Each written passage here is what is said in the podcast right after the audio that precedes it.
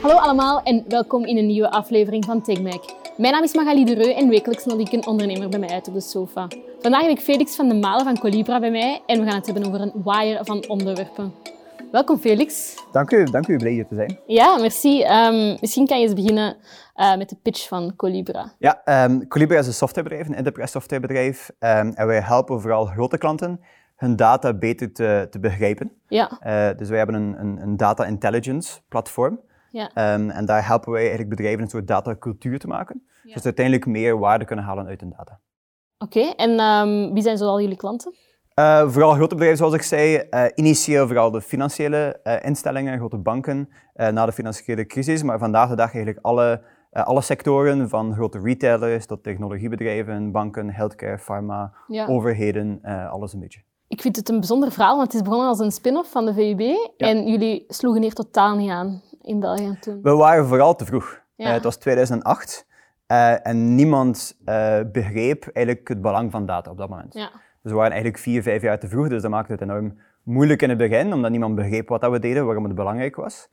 Dus we waren eigenlijk een, een, een, pak te vroeg en dat heeft het in het begin zeker moeilijker gemaakt, absoluut. Op zo'n moment, ja, je bent dan in, in België en je bent bezig met data. Hoe maak je dan de beslissing van ik kap ermee of ik blijf toch doorgaan en je bent dan uiteindelijk ook in de VS beland. Kan je daar... Ja, dat, dat was, een, uh, dat, was, moeilijk. Dat was een lastige, lastige jaar, ook frustrerend, want iedereen die je mee spreekt begrijpt het niet. En dat is een heel frustrerend gevoel, waar je bent echt overtuigd, dat is belangrijk.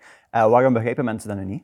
En uiteindelijk is de financiële crisis, we zijn opgericht augustus 2008, um, is de financiële crisis uh, goed voor ons geweest, omdat daardoor opeens de banken verplicht waren om veel meer rapportering, um, uh, veel meer rapporteringsverplichtingen moesten publiceren.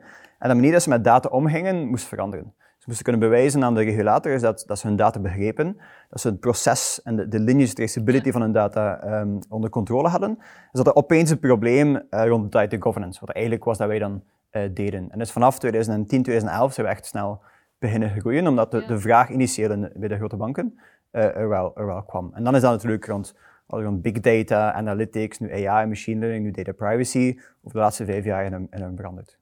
En je bent dan ook heel veel over en weer naar de VS gegaan. Ik kan mij zelfs verhaal herinneren wat je zei. Moest je dan ergens bij iemand op de, op de grond gaan slapen. Ja, um, kan je daar nu eens over vertellen? Van in het begin um, begrepen we dat België een veel te kleine markt, markt was voor ons. We van in het begin uh, focusten ons op grote bedrijven en dan ook grote banken.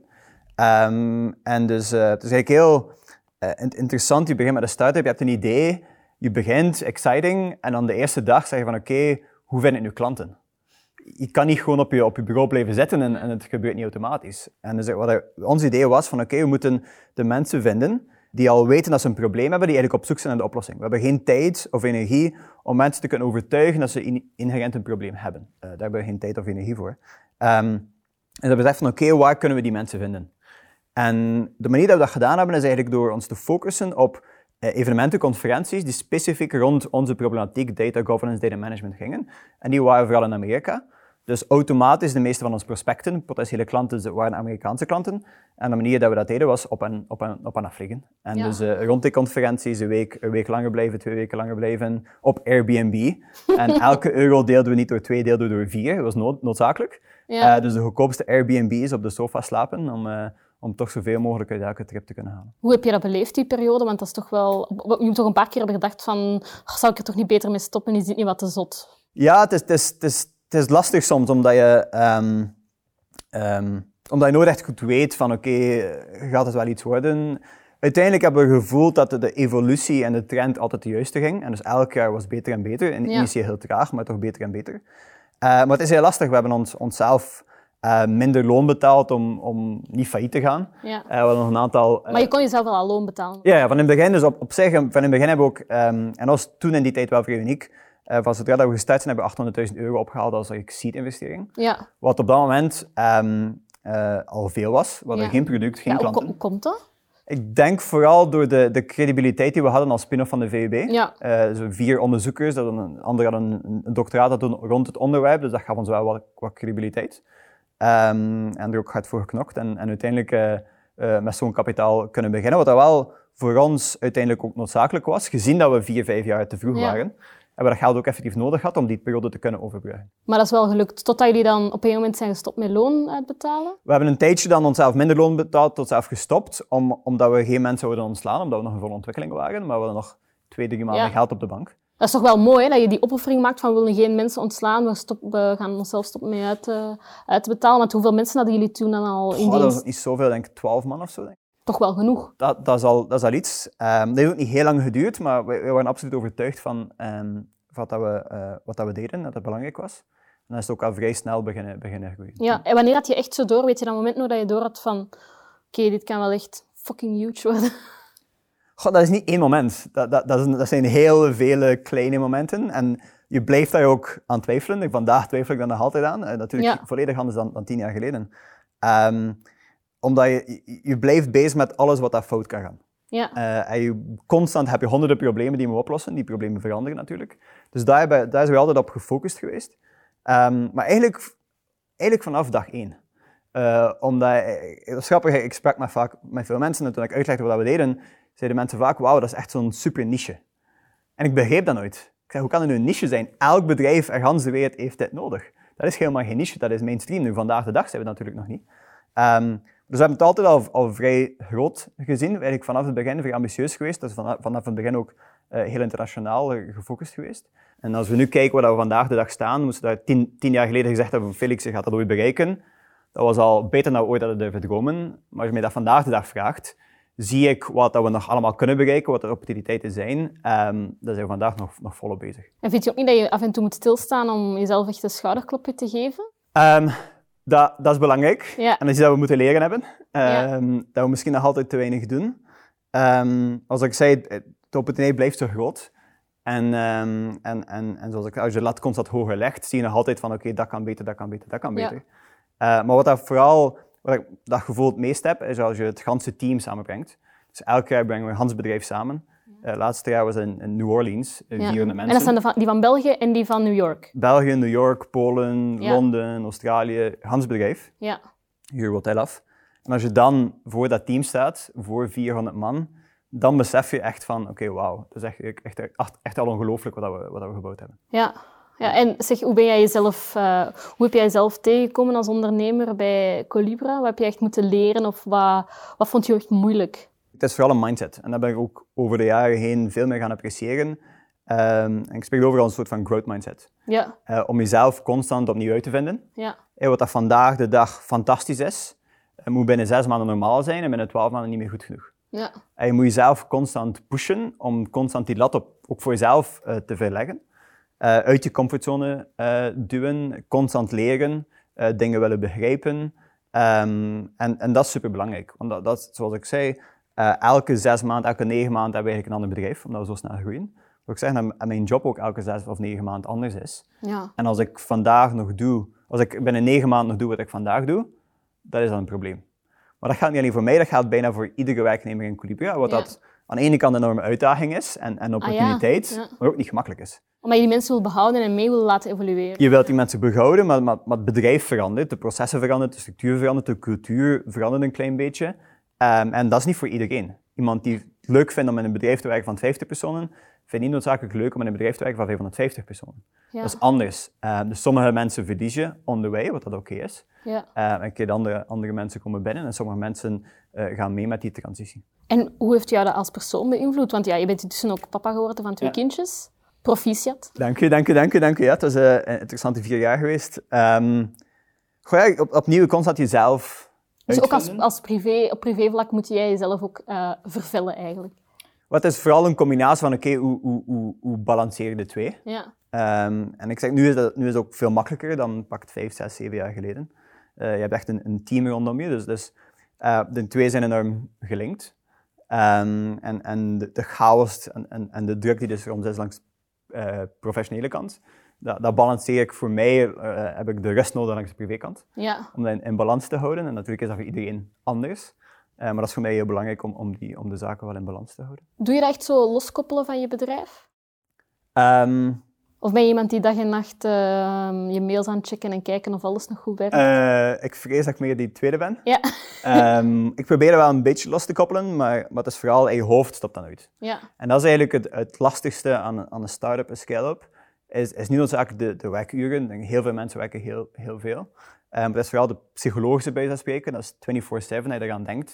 Ik kom nog altijd vaak om vier uur 's ochtends wakker met een idee in je hoofd, kan je niet meer slapen. Ik ben er constant mee bezig. Uh, mijn vrouw weet dat aan de, aan de eettafel, als ik een bepaalde blik in mijn ogen krijg, weet ze dat ik aan het denken ben aan Colibra. Ja. Um, en, um, en dat stopt nooit. ja. En dat is goed en slecht. Uh, maar is, ja. En, en hoe probeer je dan... allee, want je je bent dan soms ook met je kinderen bezig. Ben je dan tussen het pamperverversen ook aan de colibra aan het denken? Ja, maar, maar dat, is, dat is ook wel leuk om, omdat je het alles relativeert. Ja. En ik, dus mensen vragen me soms voelt het om, om nu een bedrijf te hebben van een miljard dollar enzovoort. Eigenlijk niet zoveel. Ja. Um, we zijn gewoon met het werk bezig, maar, maar alles relativeert. Um, kinderen hebben, familie, gezin is super belangrijk voor mij. Uh, ik kook elke dag, ik, kook, vind dat fantastisch. ja. Uh, het zijn zo'n dingen om, om, uh, uh, om, om, om mee bezig te zijn. Is dat hoe dat jij ontspant ook met dat koken? Of is Ja, koken is, is denk ik waarschijnlijk mijn grootste hobby. Omdat Ja. je ook, je bent, je bent iets meer, je bent iets aan het maken. Maar het leuke is dat, dat je een onmiddellijke feedbackloop hebt. En dat is eigenlijk wat ik het meeste mis in mijn rol, vergelijk met tien jaar geleden. In het begin doet iedereen alles en je doet iets en dan vrij onmiddellijk heb je dat, zie je Ja. het resultaat van, goed of slecht. En dat heb je nu niet meer? Vandaag is dat veel lastiger, omdat ik alleen via andere mensen dingen doe. Ja. Ik doe zelf eigenlijk quasi niks meer. Ja. Ehm, dus als ik iets doe of beslis, is dat altijd via andere mensen en is de, de feedbackloop vaak weken of maanden. Dat je echt resultaat. Frustreert jou dat? Dat frustreert mij niet. Ehm, opnieuw, ik doe dan andere zaken privé waar ik dan nog steeds Zoals heb, dat koken. zoals koken. Ehm, maar het voordeel daarvan is dat je natuurlijk veel meer kan doen. De, de, de, de impact die ik kan hebben is vele malen groter.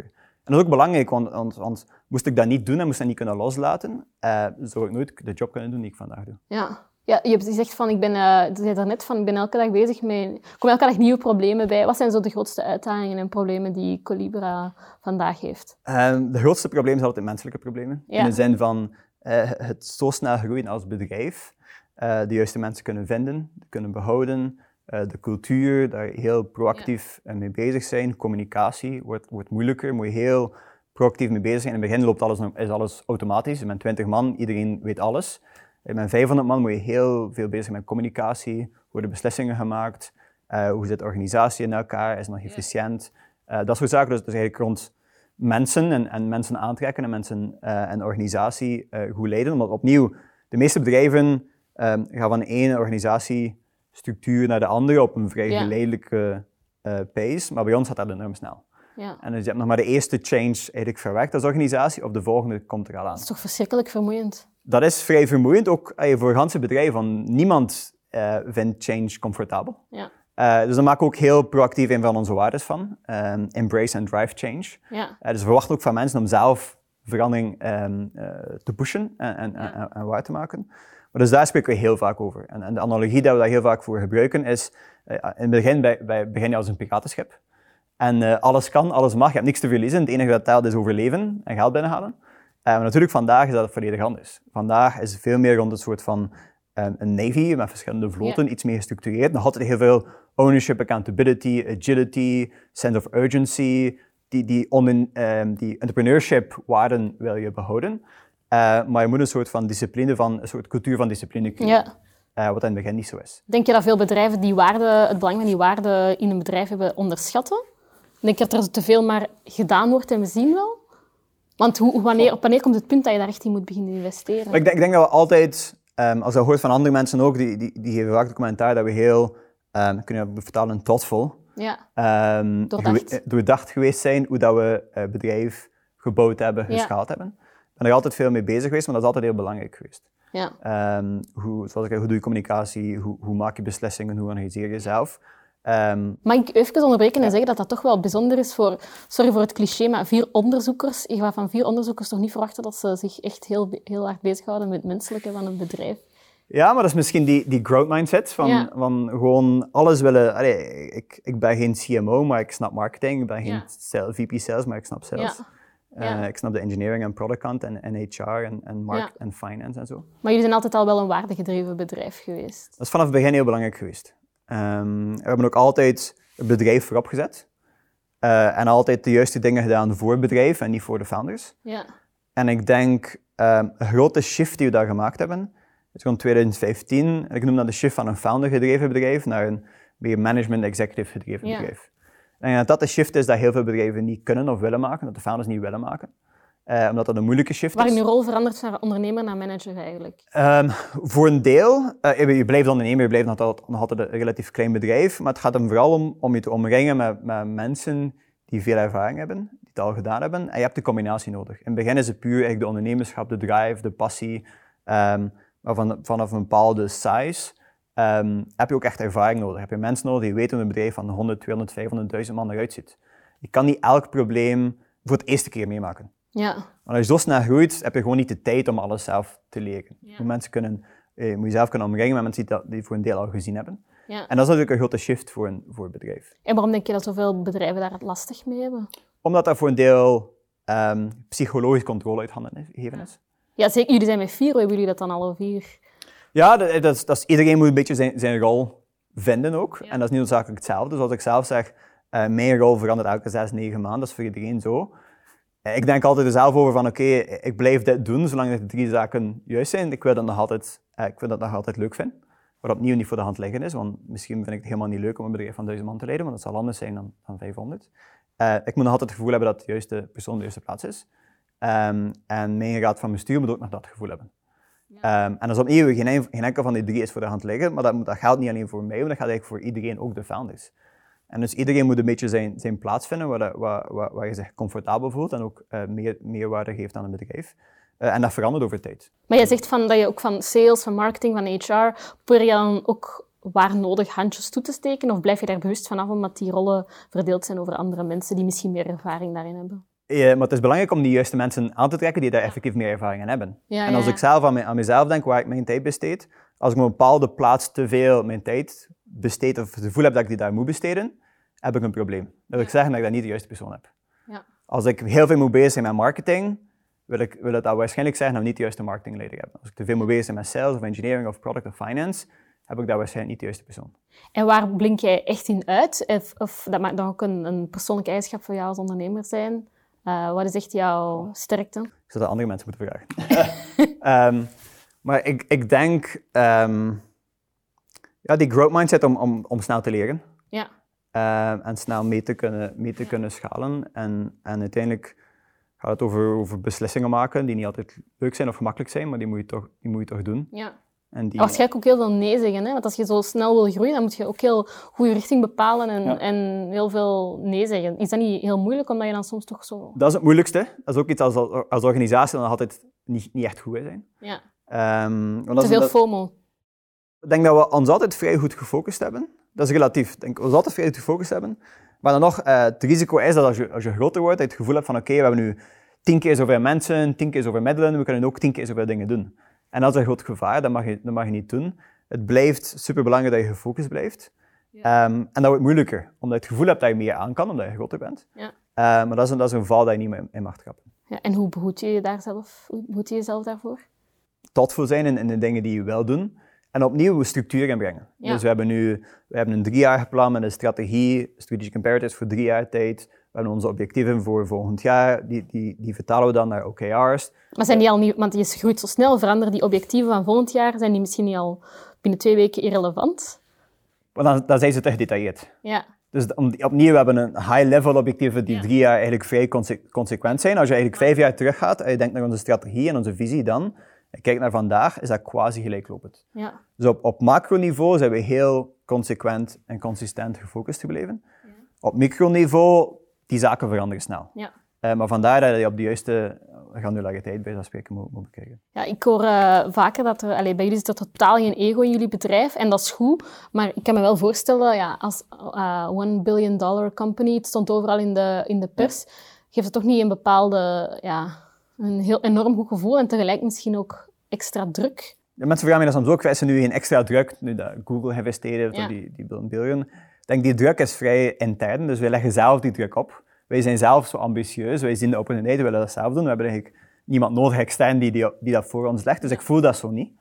Um, en alles dat is opnieuw relatief. Um, um, wij vergelijken ons met andere heel succesvolle bedrijven die vandaag 20 of 30 of 40 of 50 miljard waard zijn. Uh, dus een biljoen dollar is veel, maar is ook weinig. Ja, opnieuw de lat hoger leggen. Altijd de lat hoger leggen. En, en zoals ik zei, um, wat dat vandaag fantastisch is, moet binnen zes of negen maanden gewoon de norm zijn, de norm zijn. En binnen, binnen, binnen twaalf maanden te weinig. En als je zo blijft denken, blijven gewoon uh, de, volgende stap, de volgende stap zetten. En ben je niet echt bezig van, nou, we zijn vandaag 500 miljoen of een miljard of 2 miljard. Ja. ja toch vind ik dat een absurd verhaal. De uh, founder, uh, co-founder uit West-Vlaanderen zit in New York en heeft Google overtuigd om te investeren. Ja. hoe pak je zoiets aan?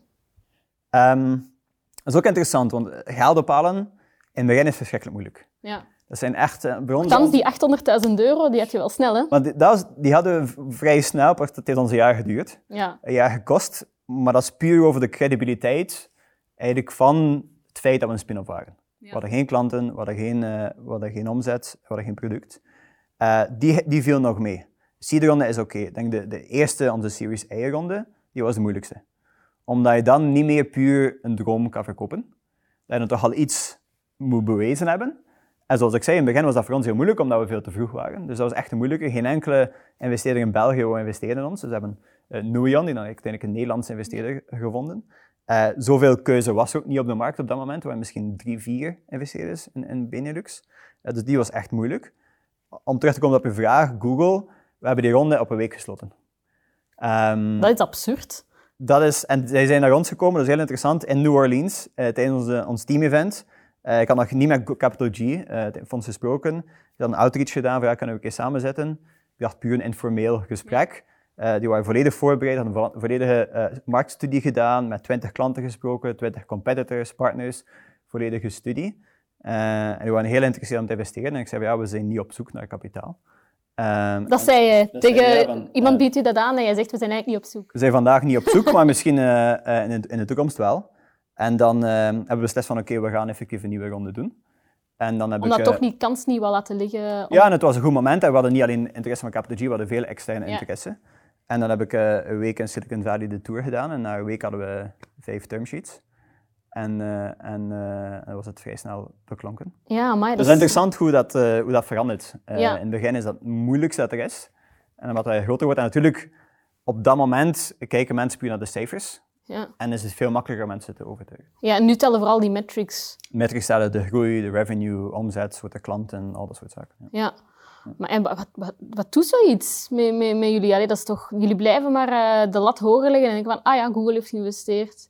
Nou. Ja, wij, wij, relativeren dat heel erg. En uh, zoals ik zei, alles is relatief. En zolang je je lat hoger legt, ja, het kan nog beter, we zouden dat kunnen doen. En dan kijken we naar publieke bedrijven en, en zeggen ja, waarom kunnen wij dat niet zijn? Ik hoor ook vaker hè, dat dat relativeringsvermogen is wat heel veel ondernemers redt. Heb je buiten die eerste moeilijke beginjaren van Colibra nog zo'n momenten gehad dat je dacht van, oh shit. Um, ik kan me voorstellen, je, je, hebt een bedrijf in Amerika, toch een heel andere cultuur. Talent is daar moeilijker te behouden. Ja, denk, denk, er zijn veel moeilijke momenten. Het is zeker niet, niet makkelijk. Uh, maar denk, je, je vergeet de moeilijke momenten snel. Ja. En zo blijf je, zo blijf je doorgaan. Ja. Um, is misschien grappig, ik heb nu twee dochters en, en, en, vrij snel de tweede gekregen. En, en uh, dat is ook niet makkelijk in het begin, maar die vergeet je ook snel. En dan je, je, je onthoudt de, de, mooie momenten. En dat dat een beetje de redding ook is. En, en gewoon blijven, Optimisme eigenlijk. Ja, optimisme en, optimisme en gewoon eigenlijk een soort van een irrationeel geloof dat alles goed komt. Ja. Hoe heb je, heb je hard moeten wennen aan die Amerikaanse cultuur? Het is ook een ehm, andere manier van zaken doen. Um, het is ook veel meer ja, eh, verkopen. En, en, terwijl Belgen hebben de neiging om toch wel meer bescheiden te zijn. Ik wil die, die twee eigenlijk combineren. denk, denk de, de, die, die Belgische cultuur, uh, van misschien voorzicht, iets voorzichtiger zijn, maar ook thoughtful zijn, um, humble zijn, met die Amerikaanse ambitieuze verkoopscultuur. Ja. Dat, dat, dat, en de, de, twee zijn heel waardevol. Uh, je, wij zijn van het begin heel, heel ambitieus geweest. Ja. Uh, misschien niet typisch Belgisch. Dus vandaar dat we ook zeiden van in het begin willen we internationaal actief zijn. We vergeleken ons met de uh, Salesforce van toen dat we nog een minuscuul klein bedrijfje waren. Dus dat, dat groots denken zat er wel van in het begin in. Um, maar de manier dat we het bedrijf gebouwd hebben, we, we hebben het bedrijf tot winstgevend gebracht. We, hebben, we zijn effectief winstgevend ge, geweest voor een tijd, voordat we beslist hebben van kom, we gaan hier, we echt snel beginnen groeien en investeren. Um, en dat is anders dan een typisch uh, Silicon Valley bedrijf. Ja. En, en, en als ik uh, spreek met vooral ik, mijn executives, waar ik met fantastische mensen spreek die ik probeer aan te wijven uh, in, uh, bij Colibria, dan hoor ik dat toch consequent, die, die humility is, is ook een enorme aantrekkingskracht. Ja. Omdat je één, als je opnieuw nadenkt over die growth mindset, je kan een echte growth mindset hebben als je beseft dat je niet zelf alle antwoorden hebt. Ja. En dat je die proactief wil gaan, wil, gaan, wil gaan zoeken en begrijpen vanuit een board, advisors, mensen, klanten, partners.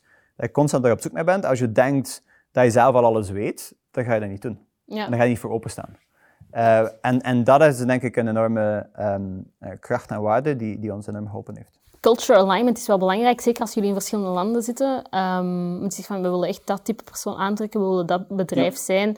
Hoe zorg je dat al die neuzen in heel de wereld in dezelfde richting staan? Dat is niet makkelijk. Uh, wat kan je inbeelden, een, een, een, een verkoopspersoon in de US is, is nogal verschillend met een, een, een, een engineer in België. Ja. Je hebt het US-België verhaal, je hebt de verkoop tegenover engineering.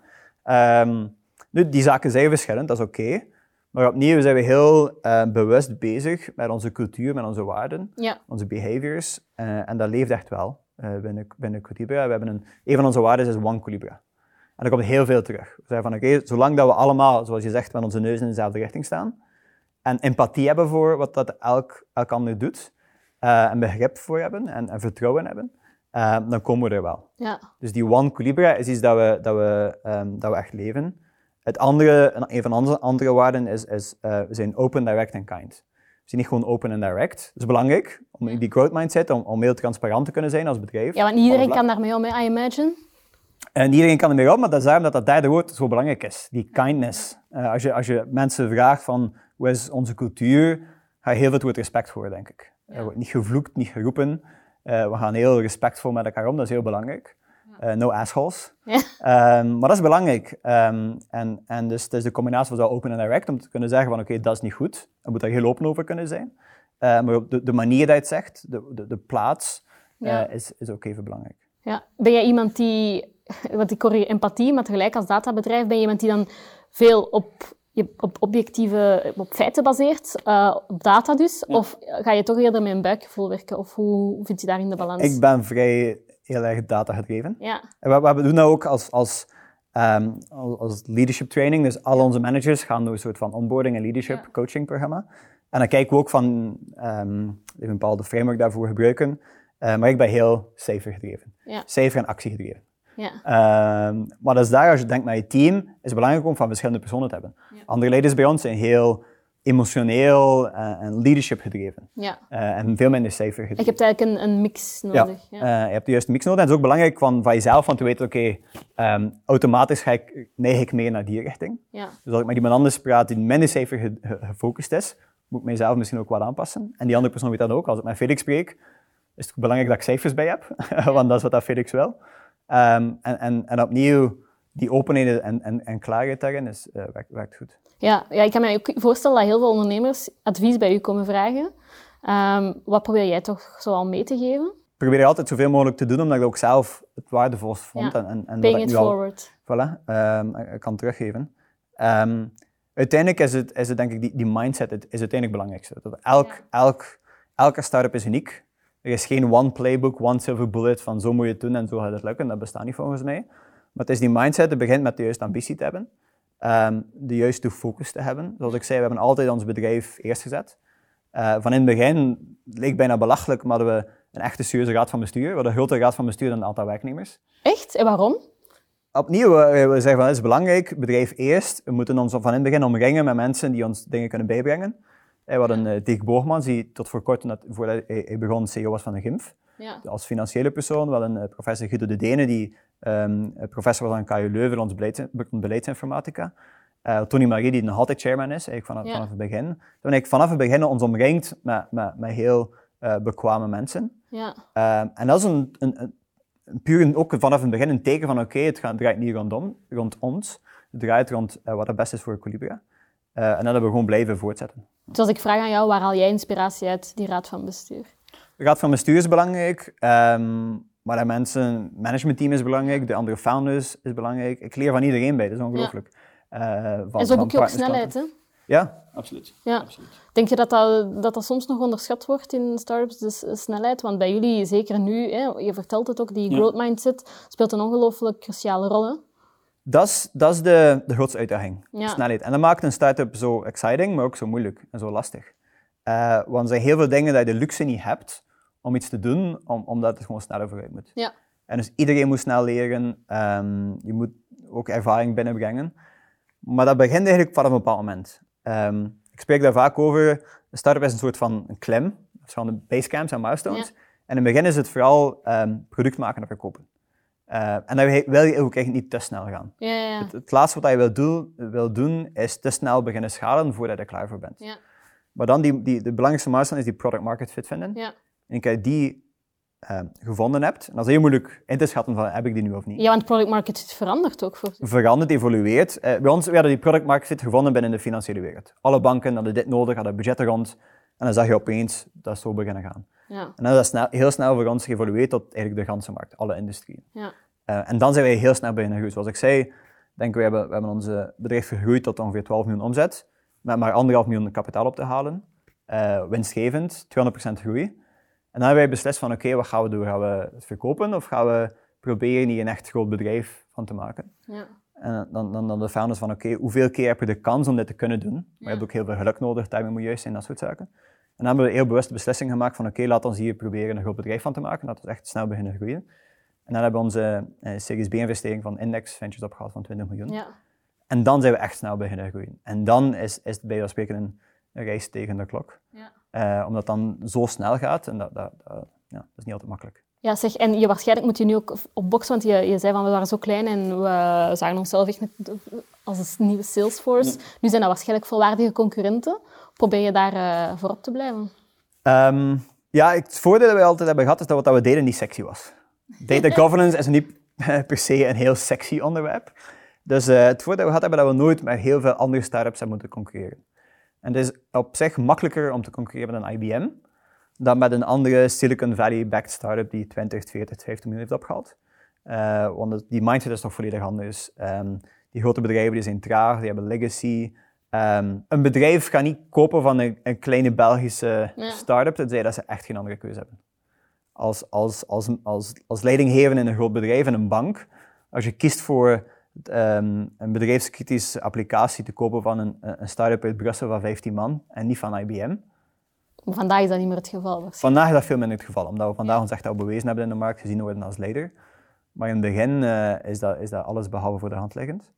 En dus heb je ook echt, echt ehm, eh, mensen nodig bij die bedrijven die, die, die geloven in jou. Ja. En die moet je kunnen vinden, om, om, het, is, het is irrationeel de keuze die op zich zij, zij maken.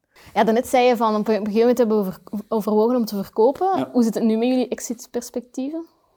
Ehm, we geloven dat we een- een groot, onafhankelijk, succesvol softwarebedrijf kunnen Ja. maken. Eh, dus eigenlijk vanaf, vanaf, vanaf het begin hebben we eigenlijk ons altijd al gedefinieerd als een, eh, opnieuw die, die irrationaliteit kwam er al in, Ja. eh, als een category defining company. Ja. We hebben nu die kans, ehm, dus daar zijn we mee bezig. We zijn niet echt met, eh, met exit bezig. En zouden jullie zelf andere, kleinere spelers overnemen? Eh, we hebben nu onlangs onze eerste acquisitie gedaan. Ja. We hebben een, een, eh, een klein bedrijf in Praag overgenomen. Ja. Ehm, dus we, dat is nu zeker deel van onze strategie om te kijken van oké, welke interessante bedrijven met goede technologie, goede teams kunnen we, kunnen we, ehm, eh, kunnen we eventueel overnemen om onze roadmap te versnellen. Laatste vraag. Wie is jouw grootste klankwoord? Goh, dat- ik heb er niet één. Het is een combinatie van, van mensen. Ik denk, Tony Marie is vanaf het begin bij. Ja. Eh, elke maandagochtend heb ik nog altijd een, eh, een, een half uur een call met hem over Ja. Skype. Eh, dus dat blijft eh, enorm, enorm waardevol. We hadden zeker hier niet gestaan zonder, zonder, zonder hem. Maar dat is heel breed, van mijn vrouw tot andere investeerders, tot managementteam, andere founders. Ja. En dat is heel, heel breed. ja. Mooi, oké. Nee, en bij deze mag ik weer een nieuwe aflevering van Take afronden. Indien je nog vragen hebt voor eh, Felix, drop ze dan even in de comments en geef een thumbs up als je het even interessant vond als ik. Felix, dikke merci om hier te zijn. Heel veel plezier, dankjewel.